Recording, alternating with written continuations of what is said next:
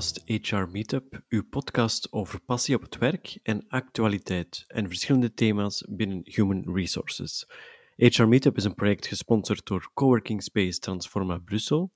Ze hebben trouwens ook recent het Eco-Responsible label ontvangen. En uiteraard als tweede sponsor onze ASBL Visit 2, de podcast Factory Org. HR Meetup zal vanaf nu zijn podcast publiceren op onze nieuwe website whatsyourstory.be en niet langer op hrmeetup.org. Er verandert natuurlijk niets op het gebruikelijk podcastplatform. Vandaag heb ik Tom Meijers, auteur van Futurize Yourself, aan de microfoon. Of moet ik zeggen, in tijden van corona aan de lijn. Hallo Tom. Bedankt, ik ben heel blij hier te zijn. Beste Tom, had jij een kinderdroom en wat is daarvan uitgekomen op vandaag? Wel, het bleek dat mijn kinderdroom kok zijn was. Dus, uh, dat hebben mijn ouders mij toch altijd verteld, van, vanaf dat ik kon stappen of praten, dat ik kok wilde zijn. En ik ben dat dan uiteindelijk ook eh, gaan studeren. Maar ik heb mij altijd afgevraagd van, was dat wel waar? Want zelf kan ik mij eigenlijk niet herinneren dat ik een kinderdroom had. Ik heb er al langere tijd over nagedacht en ik weet het eigenlijk niet. Ik had dat niet. Maar de anderen, ik heb altijd geloofd wat de anderen mij verteld hebben dat het was. En ik heb dat dan ook gevolgd totdat ik dan de eerste stage, dat was in het laatste jaar van de koksopleiding in Antwerpen. Het laatste jaar heb je één maand stage. Niet ervoor, maar het laatste, de laatste maand. En dan kwam ik eigenlijk tot het besef dat ik daar helemaal niet van hield. En het was echt zo van, ja, maar nee, dit is zo'n kleine ruimte met mensen waar je altijd mee vastzit. En nee, dat lag mij eigenlijk niet. Dus ik ben dan ook nooit professioneel als kok aangesteld geweest. Ik heb gewoon als kelner ben ik dan begonnen, omdat ik vond van daar kon ik me veel beter in uitleven, met mensen omgaan en daar had ik veel meer vrijheid. En dat was echt zoiets van, oké, ik geloofde het eigenlijk niet meer dat ik altijd gezegd heb dat ik kok wou worden. Maar zelf, ik denk, uh, nee. We zijn hier natuurlijk vandaag om te praten over jou en jouw projecten. Misschien kan je even toelichten van je kok episode tot nu, wat je gedaan hebt, wat je eigenlijk vandaag kon vertellen? Ja, wat, wat er eigenlijk gebeurd is, is ik ben dan hè, kelner geworden, ik ben dan naar Engeland vertrokken, want ik wou mijn Engels wat bijschaven. En dan in Engeland heb ik eigenlijk zo voor mijn eerste keer thuis gevoeld en ik was eigenlijk daar voor drie maanden en dan dacht ik van nee, ik wil blijven. Ik ben acht jaar gebleven. Altijd in uh, luxe hotels gewerkt als kelner. Ik heb ook uh, reizen rond de wereld gedaan met de rugzak. Eén keer negen maanden, één keer zeven maanden. Dan heb ik ook op een cruiseschip gewerkt als kelner en als uh, wijnkelner. Vooraleer dat ik dan teruggekomen ben om te werken hier in België. En mijn eerste job was bij een wijnhandelaar, maar dat liep eigenlijk niet zo goed. En dan werd ik gecontacteerd door een, een van mijn kameraden toen. En die zei van, ja, maar Tom, waarom begin je geen charcuteriewinkel zoals ik? Terwijl ik dus acht jaar de wereld rond gereisd heb, uh, heeft hij een succesvolle charcuteriewinkel geopend, traiteur. En hij wou uitbreiden. En ik dacht van, oh man, dat is hier een geschenk uit de hemel. Hij gaat me helpen. Ze hadden een plaats in Mechelen waar ik uh, kon, wat ik kon overnemen en kon beginnen. En ik heb dat dan ook gedaan. Op 9999 ben ik daar uh, heb ik dat geopend. En twee maanden later was ik depressief, suicidair. Ik, ik zag het niet zitten. Het was zo net en, en, dat is eigenlijk zo heel typisch van mijn leven tot op dat moment, tot op de rond de 30 jaar dat ik toen was. Van, ik heb die hele mooie momenten, en zo echt zo van de geschenken uit de hemel. En dan enkele maanden later, plotseling zakt dat als een kaartenhuisje in elkaar. En weer al, dus op, op je dertigste, dan weer al zo, ja, ergens een crisis doormaken. En voor mij was dat de crisis te veel. Ik dacht van, als dit het leven is, dan wil ik het niet. Ik kon mij niet inbeelden een leven waar er geen vooruitgang was, waar ik me niet in verbeterde, dat ik elke keer maar dat het tapijt onder mij getrokken werd en dat ik gewoon in een gat viel. Ik denk van, als dit het is, ik wil het niet meer. Dat heeft geen zin. Dat, heeft, dat is gewoon, het leven moet zin hebben. Als het geen zin heeft, dan wil ik het niet. Is dat eigenlijk een doel waar je 100% achter stond, dat je miste? Ik wist eigenlijk niet wat ik miste op dat moment. Ik had mij nooit in vraag gesteld. Ik ben een late bloomer, zoals ze dat noemen. Ik ben iemand die zeer laat eigenlijk opgroeide. Ik ben altijd een beetje achter geweest dan de anderen. En op dat moment heb ik mij nooit in vraag gesteld. Ik heb gewoon een weg gevolgd die mij ergens spontaan was aangeboden. Zo iemand zegt van, oh, wilde dit doen? Oké. Oh, wilde dat doen? Oké. Ik had geen richting. En plotseling, op 29, was dat eigenlijk niet meer mogelijk. Er was dat blijkbaar in mij was er een conflict dat waar ik zelf niet uit kon.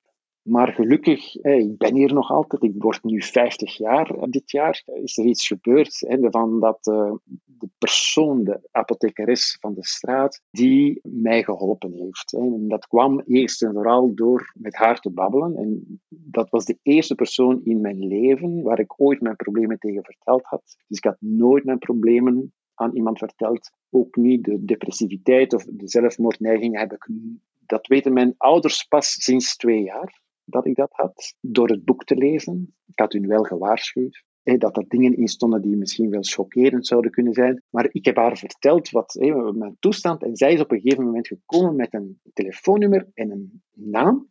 Eline Roetsaert. En dat is een astrologe in Schelde-Windeke. En ze zei van, zij gaat u helpen. En ik dacht, en ik heb het er ook zo gezegd, nee, wat kom jij nu af? Ja, dat is toch voor mensen die hopeloos zijn ja, ik was hopeloos en ik ben gegaan zonder eigenlijk te weten, te beseffen hoe, hoe, dat, dat mij ging helpen. Ik, ik, zag het niet meer zitten, maar die dame heeft mij werkelijk geholpen, gecoacht. En dat is eigenlijk, het is niet die astrologie, we moeten gaan naar de coaching zoals we dat vandaag hebben, live coaching. Dat is wat zij met mij gedaan heeft. Maar we spreken hier over twintig jaar geleden. Coaching, dat bestond niet. En dat astrologie was, dat is een hulpmiddel voor haar. Maar zij heeft mij een nieuwe schijnwerper op mijn leven doen plaatsen, zo op van een ander perspectief doen zien. Dan heeft ze mij vragen gegeven waardoor ik mijn potentieel heb gevonden. Ik ben een therapeut. Er was een communicator in mij, een leraar in mij, een onderzoeker in mij en iemand die nodig had te bewegen, te reizen, te, niet zoals in die winkel zes dagen op zeven vast te zitten. Dat was ik niet. En van daaruit heeft ze mij eigenlijk doen, een, futurize yourself noem ik dat, dat is, heeft ze mij doen een beeld in de toekomst. Heeft ze mij gevraagd van, Tom, nu wil ik dat je een ideale dag in tien jaar tijd is beschrijft. Wat zou dat kunnen zijn? En toen had ik het idee, gelukkig, denk ik dan maar, dat er toch weer ergens iets van intuïtie was. Die zegt van, kijk, ik heb nu mijn potentieel gevonden. Ik heb, waar ik mee geboren ben. Ik ben een therapeut. Dus wat kan dat dan zijn in de toekomst?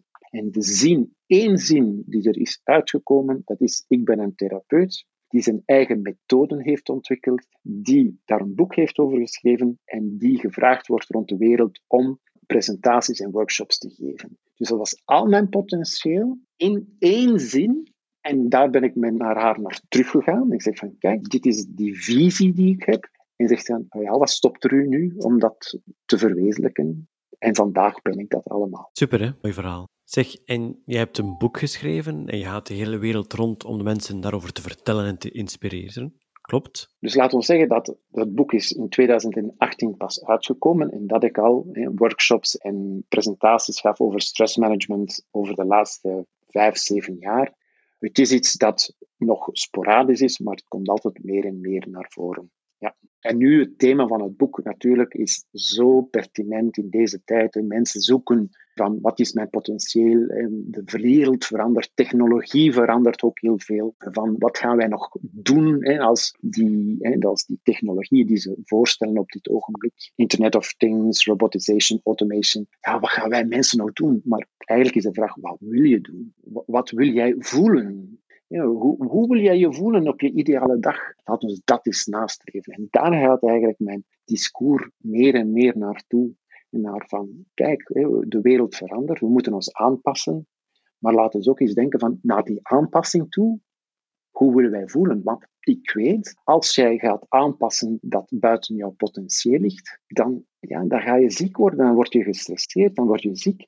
Nee, denk eerst eens na van, wat wil ik voelen? Wat is mijn potentieel? Als ik in mijn potentieel werk, dan ga ik mij veel meer in mijn element voelen. Ga daar eens naar op zoek. Ja, dat is een heel moeilijk vraagstuk. Hè? Mensen zijn er niet gewoon om van in die richting te gaan denken en zo. Nee, het is een heel moeilijke vraag. Maar uiteindelijk, als je die vraag begint te stellen, dat is de meest normale vraag. Hoe wil jij je voelen? Waarom doe je al die dingen die je doet? Is het voor het geld? Denk nu eens over na. Is het nu over het esteem in de wereld? Of is het om jou gelukkig te voelen? Content, voldaan. Als basis denk ik, als je echt naar de kern gaat, het waarom, waarom, waarom, hè, als je dat zo een paar keren vraagt, dat je dan eigenlijk op dat uitkomt. En dat vind ik zo belangrijk. Van, we gaan eens eerst naar die kern kijken. Wat wil je nu? Wat wil je nu eigenlijk voelen? Omdat wat wil je is te groot. Purpose is veel te groot voor de mensen. Dat kunnen ze meestal niet aan. Maar als je begint van, wat wil je voelen? Meer concreet is ook evolutionair een heel oud systeem. Dus het gevoel en dus de feelings komen voor de emoties op evolutionair niveau. Dus het is zo belangrijk. En gevoel geeft ook drie dingen met zich mee. Want dat geeft u een soort van ja, beweging, hè, van waarom je iets wil doen. Maar het gevoel, dat geeft u ook een soort van parameter, dan doe ik het nu goed of kan ik nog verbeteren. Dus als je dan voelt van hmm, hier klopt toch iets niet, dan kun je nog altijd gaan ergens een negotiatie. Dat betekent dus eventjes gaan nadenken van hoe kan ik het verbeteren. Dus die drie elementen komen in gevoel terug. Daarom hebben we gevoel. Je hebt motivatie, je moet ergens, ergens iets monitoren en je moet ergens een negotiatie met jezelf overleggen van hoe kan ik het nog beter maken. Zegt hoe lang ben je daar nu al mee bezig? Uiteindelijk ben ik afgestudeerd als osteopaat sinds 2007. En sindsdien ben ik eigenlijk met, het, met dat, de body coaching, of van, van waar, hoe dat de body, hè, het lichaam, hè, ook ons gedrag beïnvloedt, ben ik daarmee bezig. Dat is de link die Ik heb daar precies nog een etappe gemist, want ik heb u gevolgd in uw verhaal van kok naar de charcuteriewinkel, maar die vraagstelling, het zoeken naar een doel, een richting. Nu hoor ik u praten over osteopaat, dus dat zit daar ook nog tussen.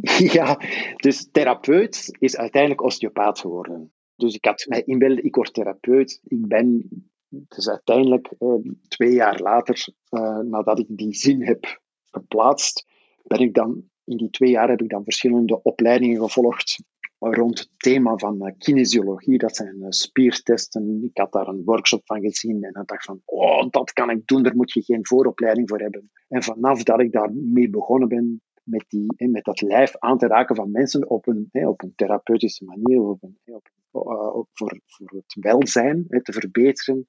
Ik kwam thuis. De eerste cursus die ik gedaan heb, was in Mechelen. Touch for Health noemde dat. En die dame zei, na de eerste drie uur, dus ik had nog nooit in mijn leven zoiets gedaan, en niemand in mijn familie doet zoiets, die zegt van, heb jij dat al gedaan?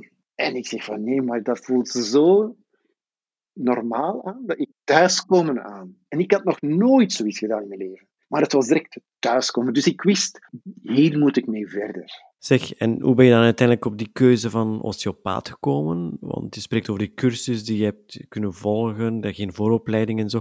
Maar hoe kom je er dan bij om die therapeut op, op, op dat vlak te willen gaan doen? Dat kwam eigenlijk dus door die opleidingen dan te gaan volgen en altijd maar en meer en meer en, en, zin. En op de duur zag je van, maar dat is zo geweldig, dit deel van hè, mensen te helpen op therapeutische manier, op de gezondheid. En zeg van, moet ik nu dokter worden? Ja, want dat was zo van, ja, als dat mijn weg is, en, want je weet ergens begin je aan iets, maar waar het eindigt, dat weet je niet. Maar je voelt van, ik moet hier meer mee doen. Ik, wil, ik wou ook een betere kennis hebben, een betere basis hebben van het menselijk lichaam, dat ik niet echt had meegekregen in die opleidingen. En ben ik terug naar uh, Eline gegaan en heb, dat was dan ook een goede kennis geworden op dat moment. En ik heb haar gevraagd van, ja, maar waar moet ik hiermee naartoe? moet ik arts worden? Want als dat zo is, ik had, ik had niet de financiële mogelijkheden, maar dat is met ergens van het potentieel dat je hebt of met dat iets voor jou bestemd is, dan vind je het. Dus ik wist van, als dat mijn weg is, dan ga ik het vinden. Maar ze, zegt, ze heeft heel gelijk gezegd nee. Dus was de keuze tussen osteopathie en de Chinese geneeskunde. Was eigenlijk van, dat zijn de twee velden waar jij eigenlijk tot jouw recht komt. En ik dacht van ja, er zijn heel veel mensen die Chinese geneeskunde doen, maar ik voelde mij daar, ik ben geen Chinees, ik voelde mij daar niet echt mee verbonden, maar ik was al wel geholpen door een osteopaat. En ik had die ervaring al met osteopathie, van een, een miraculeuze uh, heling. van, na twintig minuten, het was gewoon fantastisch. Na drie maanden zeer hevige migraines te hebben gehad, ah, twintig minuten en hij was gedaan. En zei osteopathie, ik ga ervoor. En ik heb een school gevonden die mij, dat was dan ook toevallig, op dat jaar dat ik zocht, begon een school in, in Brussel. En ik ben nu sinds september vorig jaar heb ik mijn masters in osteopathie. Ik heb die dus want ik had, was dan gecertificeerd. Ik ben in 2015 gediplomeerd met een bachelor in Duitsland. En ik heb in september uh, vorig jaar heb ik mijn masters in osteopathie behaald, ook in Duitsland. Want daarvoor moest ik wel naar Duitsland op opleiding om dat te kunnen krijgen. Zeg eens, hoe, ziet zo'n traject bij jou er specifiek uit? Uh, ik vermoed dat je dat wel ook mensen gaat begeleiden, zowel op fysiek vlak, mentaal vlak, als ik het goed begrepen heb. Hoe begin je daaraan? Op welk moment komt iemand bij jou terecht? Is het dan aan de hand van een lichamelijke klacht dat je verhelpt? Of begin je dan zo aan een traject? Of, of komen mensen echt met een duidelijke vraag naar zingeving bij jou? Meestal is het nog altijd naar het fysieke. Ik heb rugklachten of ik heb nekklachten en dan begint het verhaal maar dan moet je ook zien van wie wilt wat. Sommige mensen willen gewoon de osteopathie. Dat betekent van ik wil van die pijn vanaf en willen niet verder nadenken over erover.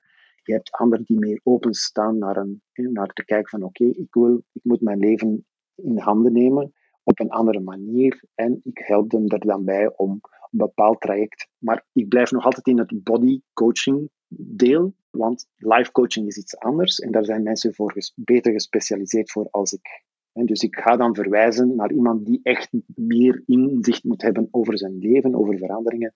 Dan ga ik gewoon mensen suggereren van kijk, het is beter dat je voor die vragen naar een of naar een andere persoon gaat, maar terwijl je je verandering aan het doen bent. want natuurlijk, jij moet jou aanpassen, jij moet bepaalde nieuwe dingen in jouw leven brengen.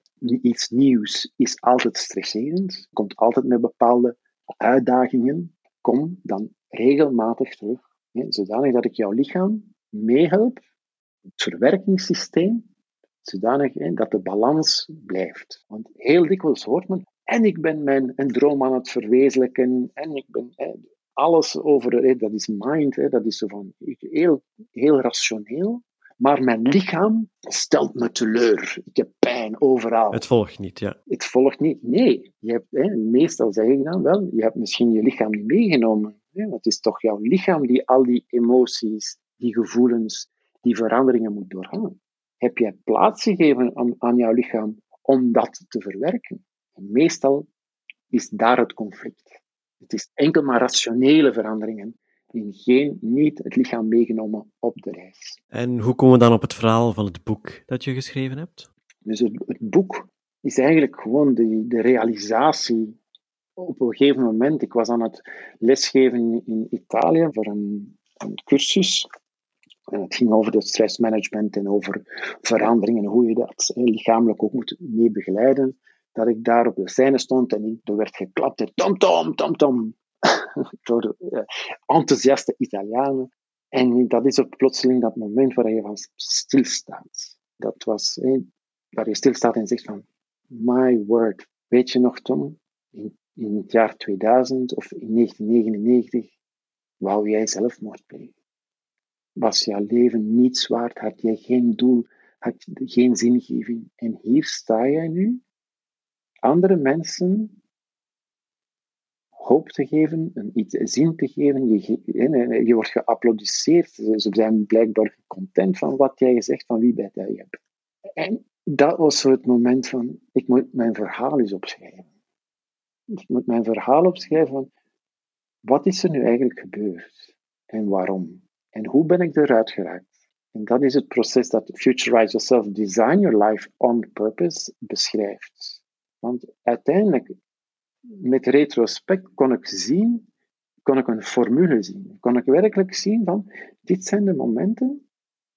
Je hebt eerst een, naar je leven moeten kijken, naar je verleden. Je hebt er een nieuwe, ergens een nieuw inzicht moet krijgen door op een andere manier naar je verleden te kijken, dan heb je naar jezelf gekeken en van, oké, wie in mijn omgeving kijk ik naar op? Waarom komen de mensen naar mij toe?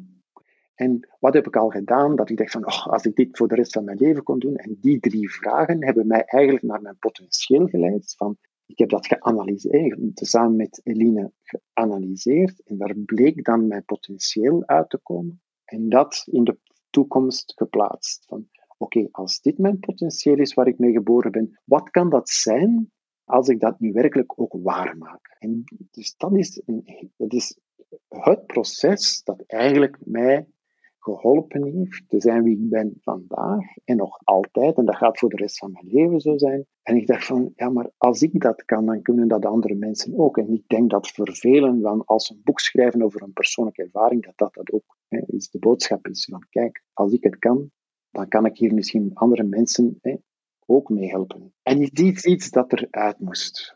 Voilà. Ja, en dat was in 2018. Ja, ja, Dat is het, dan is het boek uitgekomen. En ik ben nu bezig aan het tweede deel. Aan het tweede deel, ja. ja, Evolving on Purpose. Dus Evolving on Purpose, dat is het tweede deel. Want nu heb je dat idee geplaatst, je hebt die visie.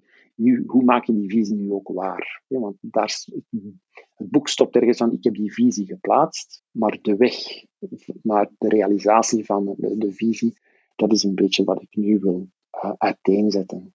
Wat brengt de toekomst voor jou, Tom? Je bent actief natuurlijk op verschillende vlakken. Ja, het is zo dat de toekomst. Ik heb onlangs nadat mijn boek uh, verschenen is, heb ik terug eens een, een, introspectie moeten doen. En er blijkt dus een, een, leiderschap naar boven te komen. En ik wil zo'n beetje meer een rol hebben die thought leadership, dus die meer en meer naar workshops gaat en meer naar het, nog meer naar het spreken toe, naar het communiceren over hoe men zich best kan voorbereiden voor een onzekere toekomst. En die workshops, is het dan individueel, in groep, voor bedrijven? Of? Het is vooral in groep. En het is, waar ik eigenlijk naartoe wil gaan, is de aanpak die ik in die, sinds 2007 heb ontwikkeld, which is called the Reset Approach. Uh, reset is R-E-A-S-E-T, dus Return to Ease. Dat is een aanpak waar ik van zie van, maar kijk, dit is een, een eerste hulp bij ongevallen, hè, maar eerste hulp bij stressmethode. Dat ook tussen familieleden kan gedaan worden. Hè. De, partner komt thuis en ziet van oei oei de andere partner is, heeft een zware dag gehad en alvorens dat hij dan kalmeert, dat duurt enkele uren, maar wat als je dat kan versnellen? Wat als jij voor 15 minuutjes iets kan doen, dat eigenlijk het proces van het kalm worden op lichamelijke basis, dat je dat kan helpen. En daar wil ik eigenlijk naartoe gaan. Om dat meer te gaan bestuderen en ook meer te gaan verkondigen en te uit te spreiden. Dus eerste hulp bij stress en verandering. Om dat lichaam mee te nemen, maar ook als de mensen dan zien, partners of tussen vrienden, kan men dat dan leren en doen.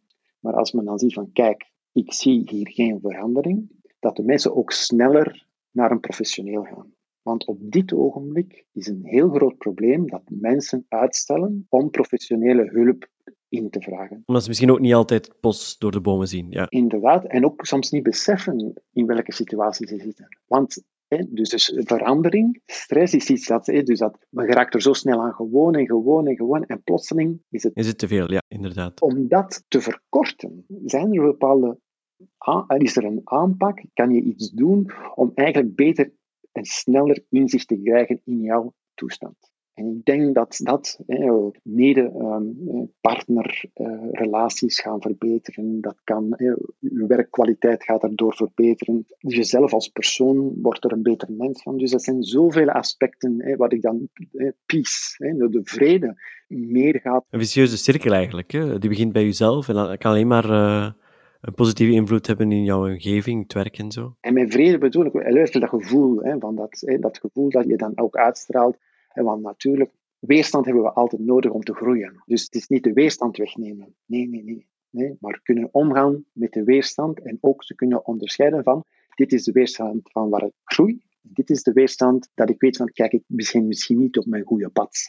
Het is heel belangrijk om te weten het verschil tussen deze twee. En men kan dat weten door te weten waar we naartoe gaan. Tom, ja, je inspireert natuurlijk heel erg. Hè? Ik merk bij mijzelf ook. Ik heb ook zin om bepaalde vragen aan mezelf te gaan stellen me af te vragen of ik nog in de juiste richting zit. Dus ben ik wel nog goed bezig en zo. Nu, ik heb ook opgevangen dat je van plan bent om met een podcast te starten, waar we ook aan kunnen helpen, meewerken en zo. het is ook de bedoeling dat we een synergie gaan creëren van die twee projecten, elkaar een beetje verder helpen. Hoe zie jij dat in de toekomst? Is dat een heel concreet project dat nu gaat starten? Hoe kunnen we jou terugvinden online? Waar ben je actief? Laat ons zeggen dat het, de podcast ben ik nu, dus de mensen aan het contacteren die ik graag zou hebben als gast op de podcast. Er is What the Future, dat is eigenlijk het thema. What the future. en dat is voor vele mensen, waarom moeten wij nu over de toekomst nadenken? We, hebben nu problemen. Maar ja, we moeten toch een beetje meer met onze toekomst bezig zijn, want het, ons leven verandert heel snel door technologie. En we zien wel, niet enkel door technologie, maar de COVID-19-virus heeft ons getoond van in een mum van tijd is de hele wereld veranderd. Dus, maar hoe we ermee omgaan, hè, dus nu is het een beetje achter de feiten lopen, maar we kunnen ook veel beter voorbereid zijn op van alle mogelijke scenario's, maar ook we hebben veel meer invloed op onze toekomst dan dat wij denken. En het is daarom inzicht te geven. Dat van, het is belangrijk om ietsjes meer lange termijn denken in ons persoonlijk leven te brengen. En ik zeg wel persoonlijk leven, want bedrijven die doen dat normaal al. Hè. Die hebben een lange termijn projectie. Maar voor ons eigen leven... Dan moeten we het zelf doen. Ja, maar het wordt niet gedaan. Ja. Dus we moeten het zelf doen. Oké, Tom, heb je even heel concreet... Heb jij een website? Meijerstom.com meijerstom.com. Dus na deze podcast hebben beluisterd en als we neer naar zitten, dan denken mensen, oké, we gaan naar die website en daar kunnen ze dan met jou in contact komen. Ja, inderdaad. Daar kunnen ze ook jouw boek verkrijgen. Het is eigenlijk een meijerstom.com is een website waar je alle andere websites van mij terugvindt. Dus het is zo, het gegroepeerd, de praktijk, het boek, de podcast zal er nog opkomen ook nog maar ook de blog. Dus het, is, het groepeert alles en dan van daaruit, van, mensen zijn soms geïnteresseerd in dit deel of dat deel en kunnen zich daaruit dan verder uh, verdiepen in uh, de andere elementen die ik kan aanbrengen. Tof. Bij HR Meetup eindigen we natuurlijk steeds ons interview met drie standaard vragen. Nu, wat is voor jou een echte HR? Het kan persoon zijn, departement. Human resource, voor mij is dat werkelijk human resource. Dus vanuit het stressconcept de demands are higher than the resources. Als de, als de druk groter is dan de, de resources, dan heb je stress. Dus voor mij is het zo belangrijk dat in bedrijven en voor jezelf, dat je die je, je human resources, dat je daarmee veel bewuster mee gaat omgaan. En dat je, iedereen is een individu, iedereen heeft een bepaalde kwaliteiten, maar ook die kwaliteiten of jouw resources zijn niet elke dag dezelfde. En we, moeten een beetje meer daar contact mee nemen. De human resources zijn, dit is toch in hun interesse dat de mens in zijn potentieel veel meer kan bereiken voor zichzelf en voor het geheel van het bedrijf. Maar natuurlijk, je hebt tegenwoordig te weinig mensen in human resources, zodanig dat die geheel personaliseerde aanpak eigenlijk misschien niet mogelijk is. En toch moeten we daar naartoe. Want het is blijkbaar, het is, het is weer, het is o zo belangrijk dat de mens die het werk moet leveren, als hij in zijn potentieel is, dat het toch wel beter gaat gaan voor iedereen. Heb je al eens het wow-effect meegemaakt binnen HR? Ja, dus ik ben al heel lang zelfstandig, dus ik ga een voorbeeld nemen toen ik uh, op het schip werkte. Dus een cruiseschip, de Queen Elizabeth II moet zo ongeveer in 1993 zijn geweest. We zijn met duizend personeelsleden daar op het, op het schip voor ongeveer 2500 passagiers. Ik was in Hongkong en ik kreeg een brief van mijn mama. Het is voor de e-mail. Hè, dus uh, een tijd, uh, er was geen directe connectie, er was ook geen smartphone toen. Dus ik kreeg een brief. Dat was een geweldige ervaring van, om een brief te krijgen. Dat was gewoon altijd het summum als we aankomen in een haven. En we waren in Hongkong en in de brief stond van Tom, sorry, maar ik ga zelfmoord plegen. Oei. Ja, uh, oké. Dat was niet de brief die ik verwacht had natuurlijk. En uh, ik heb dan proberen te bellen. Niemand nam op op de laatste nummer die ik wist van mijn mama. Uh, ik ben gaan lopen. Hè. Dus dat is weer een stressrespons. Hè. Je gaat hè, weglopen, maar ja, dat, het kon er niet van weg. Ik wist niet wat te doen. En dat was ook nog altijd een periode waar ik tegen niemand mijn problemen vertelde. En ik ben, uh, ben gaan werken s'avonds in het restaurant waar ik dus uh, op het schip. En mijn manager heeft mij in zijn bureau genomen en zegt van Tom, er is iets, er is iets uh, niet oké. Wat is er? Ik ben dan natuurlijk in tranen uitgebarsten en hij zegt van wacht eventjes. En heeft de, de priester aan boord gehaald en uh, de priester, wat, moet, ik nu met die priester aan? En die heeft mij weer gevraagd, van, leg het nu eens uit. Hij zegt van, oké, okay, vertrouw me, hou het bij mij. En wat er eigenlijk gebeurd is, en dat wauw-effect, man, man, man, wat een geweldige organisatie. Hij heeft de Flying Angels in Hongkong gecontacteerd. Die hebben de Flying Angels in Antwerpen gecontacteerd. Die hebben mijn mama gevonden. Hoe? Ik heb geen idee hebben zelfs bloemen meegenomen. Die hebben mijn mama gevonden in een centrum voor vrouwen. Dus die was dan door de politie geplaatst daar. En heb ik een bericht teruggekregen drie dagen later in Yokohama. En in Japan, we waren toen in Japan, met, met het bericht van, uw mama is hier oké. Maar dat, hè, dus we zijn met duizend personeelsleden, dat die ene persoon mij dus in het hele systeem, dus die persoonlijke aandacht heeft gegeven en alles wat er dan gebeurd is voor dat bericht. En dat is gewoon dat wauw, even kijken, wat achter de schermen soms. Wij weten dat niet. Ik was al een jaar op het schip of zoiets en plotseling zie je van wauw, ik word hier zo ondersteund. En dan weet ik dat er zoveel anderen die problemen hebben thuis, die op het schip zitten, die dat ook krijgen dat is werkelijk een, een ja... Een... Dat is eigenlijk wat een echte human resources zou moeten doen. Hè. Vandaag de dag zijn ze veel meer bezig met ondersteuning van een dienst dat geld op moet brengen. Uh, ik denk meer aan resource management geworden in plaats van minder human. Ja, nee. Dus dat was voor mij echt het... Nee, dus dat was... Hij zag werkelijk dat mijn resources op dat moment niet capabel waren niet okay om waren, ja. een dienst, dat is een luxe schip, ja, en de passagiers zijn mensen die een bepaalde eh, service wensen en verlangen. En dat is ook normaal. Ja, dat ik op dat moment niet de resources had om dat te doen. En hij heeft dat gezien en hij heeft mij geholpen.